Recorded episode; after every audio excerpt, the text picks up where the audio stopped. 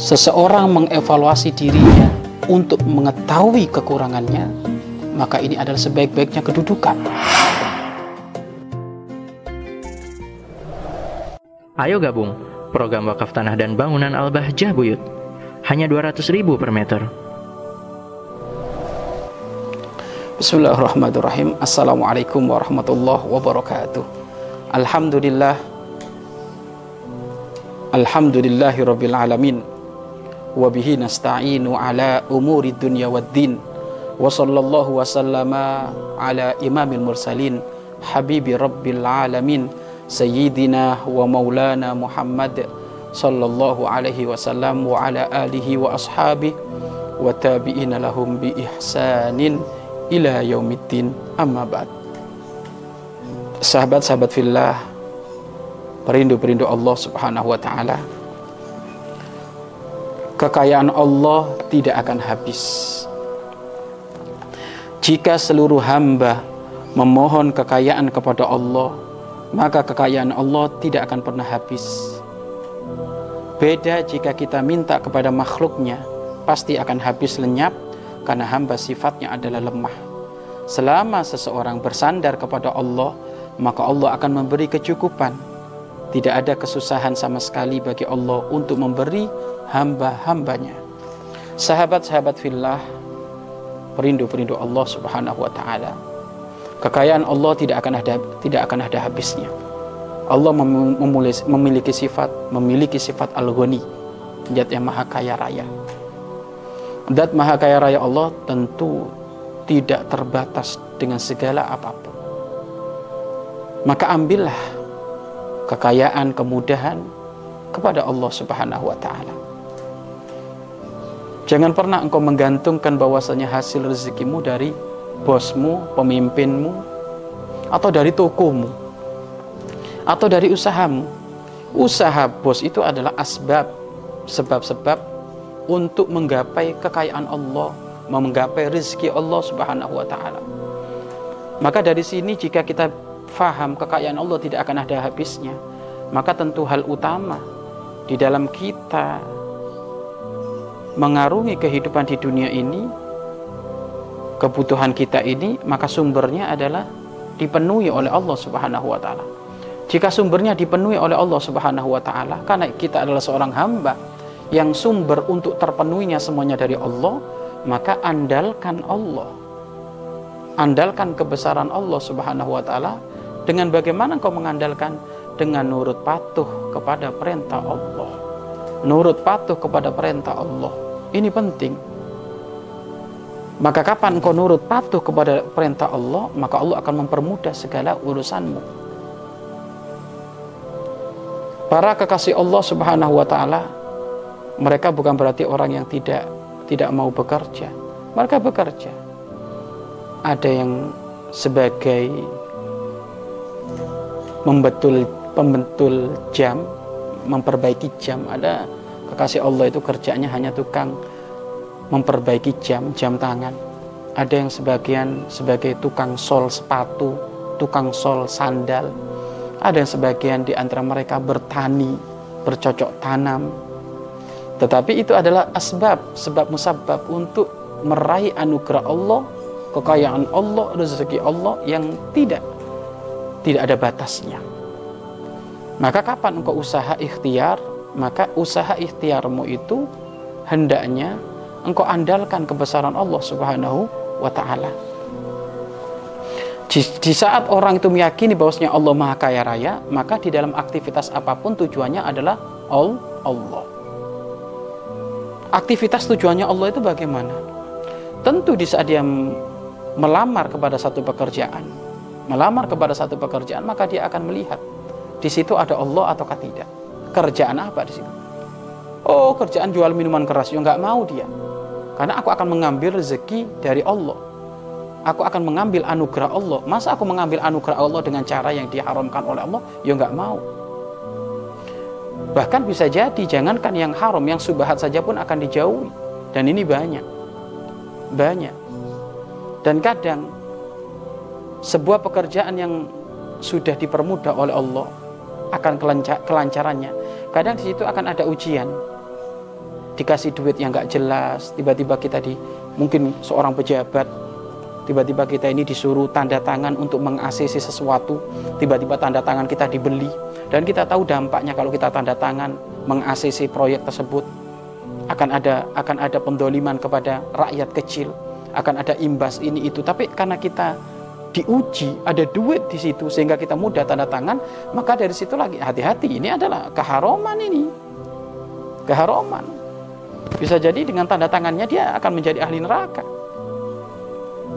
Makanya para penguasa ini nerakanya itu sangat dalam. Surganya juga sangat besar. Maka hati-hati para penguasa. Yang tanda tanganmu berarti hati-hati, jangan asal-asal. Karena tanda tanganmu itu adalah saksi. Dirimu ini berdiri, berada di wilayah kebenaran atau wilayah pendoliman. Kalau di wilayah kebenaran, engkau akan menjadi pemimpin seperti Abu Bakar As-Siddiq radhiyallahu anhu. Engkau akan menjadi pemimpin seperti Nabi Sulaiman. Engkau akan menjadi pemimpin seperti Nabi Daud. Yang beliau tidak akan bertanda tangan kecuali urusan kebenaran. Akan tetapi kalau engkau bertanda tangan asal-asal, menjual tanda tanganmu dengan senilai sekian-sekian, sudah tahu ini dampaknya bahaya kepada rakyat, tetapi kok kok engkau masih bertanda tangan, ketahuilah engkau akan menjadi pemimpin seperti Fir'aun. Engkau akan menjadi pemimpin seperti Namrud. Bagaimana Fir'aun Namrud ceritanya? Fir'aun ditenggelamkan ke dasar laut merah. Namrud bagaimana? Dihancurkan oleh Allah Subhanahu wa taala.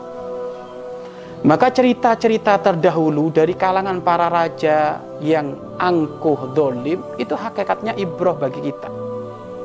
Hakikatnya ibrah bagi bagi kita maka sudahlah jangan mengejar kekayaan, jangan mengejar jabatan karena itu semuanya sudah jatah dari Allah Subhanahu wa taala. Tapi kejarlah ridho Allah. Kejarlah anugerah Allah. Kejarlah keberkahan Allah, maka nanti jabatan ngikut.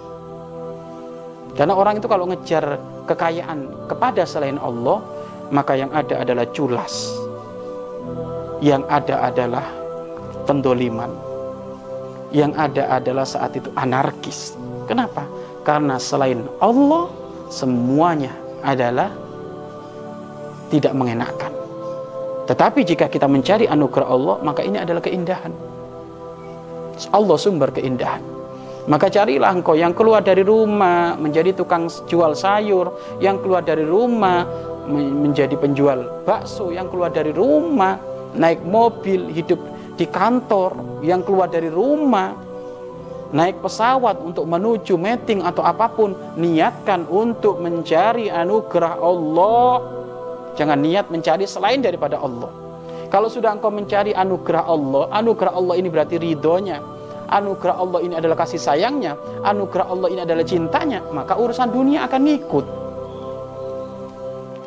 Dunianya ngikut, akhiratnya dapat. Tetapi kalau kita ngambil hanya wilayah dunia saja, maka akan dikasih oleh Allah dunia dan itu pun sejat sejat sesuai yang sudah dijatah oleh Allah. Hei orang yang berangkat mulai pagi, berangkat mulai pagi, pagi subuh berangkat, pulang nanti jam 10. Itu dunia yang kamu cari itu sudah di, sudah dijatah oleh Allah. Ada orang berangkat subuh pulang jam 10 malam hanya dapat duit 50 ribu. Memang jatahnya 50 ribu. Karena urusan kekayaan ini oleh Allah itu sudah dibagi. Termasuk ini kasih sayang Allah Subhanahu wa taala dan termasuk makna tanggung jawab Allah di dalam menciptakan makhluk-makhluknya. Makhluknya belum lahir ke muka bumi sudah ditentukan oleh Allah, sudah ditakar, dibagi. Ini jadi pemimpin ataukah enggak? Ini kekayaannya seberapa? Ini jadi orang yang beruntung ataukah enggak? Itu sudah dijatah oleh Allah sebelum bayi itu lahir. Loh ini kan kehebatan Allah. Artinya apa? Jauh-jauh Allah sudah mempersiapkan Jauh-jauh Allah sudah mempersiapkan. Maka apa pun yang terjadi di muka bumi ini, hakikatnya dia itu tinggal menyambut. Loh, menyambutnya ini mau, mau dengan cara yang diridhoi oleh Allah ataukah dengan cara yang haram? Naudzubillah min dalik. Dengan cara diridhoi Allah, Allah akan bangga dengan dia sehingga dia akan dianggap menjadi kekasih Allah dan nanti puncaknya ahli surga. Tetapi yang menyambut ketentuan Allah tadi itu dengan cara yang haram, maka Allah akan murka dan tempatnya adalah di neraka. Naudzubillah min dalik. Allah Maha Kaya Raya. Tanamkan kalimat ini di, dalam hati kita sehingga hati kita ini akan tenang. Allah Maha Kaya Raya. Di saat kita sedih, di PHK, kembalikan lagi Allah Maha Kaya Raya. Berarti kita harus kembali kepada Allah, berpegang teguh kepada Allah. Kalau ternyata kita ketemukan tiba-tiba kita sakit, lemah, lunglai, berada di, di UGD, unit gawat darurat, mungkin penyakitnya kita karena parah sekali, biaya pun gak karu-karuan, kembalikan, kembalikan di dalam hatimu. Allah Maha Kaya Raya, kaya raya dalam urusan solusinya, kaya raya di dalam pemberian rezekinya, segala-galanya sudah. Mungkin kau ada permasalahan, hal apa pun, sudah yakinkan di dalam hatimu Allah Maha Kaya Raya. Sehingga dengan kalimat seperti itu engkau tanamkan di dalam hatimu, maka engkau akan bersahabat dengan segala masalah. Sok masalah apa pun datang, karena hatimu yakin Allah Maha Kaya. Allah Maha Kaya. Allah Maha Kaya. Lo keyakinan hati tentang Allah Maha Kaya, Kaya Raya ini harus diaplikasikan dalam kehidupan nyata. Mulutnya suka membaca Al-Quran, yakin bahwasanya Allah Maha Kaya Raya. Tangannya senantiasa berzikir kepada Allah, yakin karena Allah Maha Kaya Raya. Masjid selalu diramaikan karena yakin Allah Maha Kaya Raya. Segala-gala kebaikan diambil karena yakin ia, karena yakin bahwasanya Allah Maha Kaya Raya. Pemirsa yang dimuliakan oleh Allah, pastikan hati kita meyakini Allah Maha Kaya Raya dan kekayaan Allah tidak akan habis. Maka bergantunglah kepada kekayaan Allah, memintalah kepada kebesaran Allah Subhanahu wa taala. Wallahu a'lam bissawab. Mari berinfak untuk operasional lembaga pengembangan dakwah Bahjah Buyut.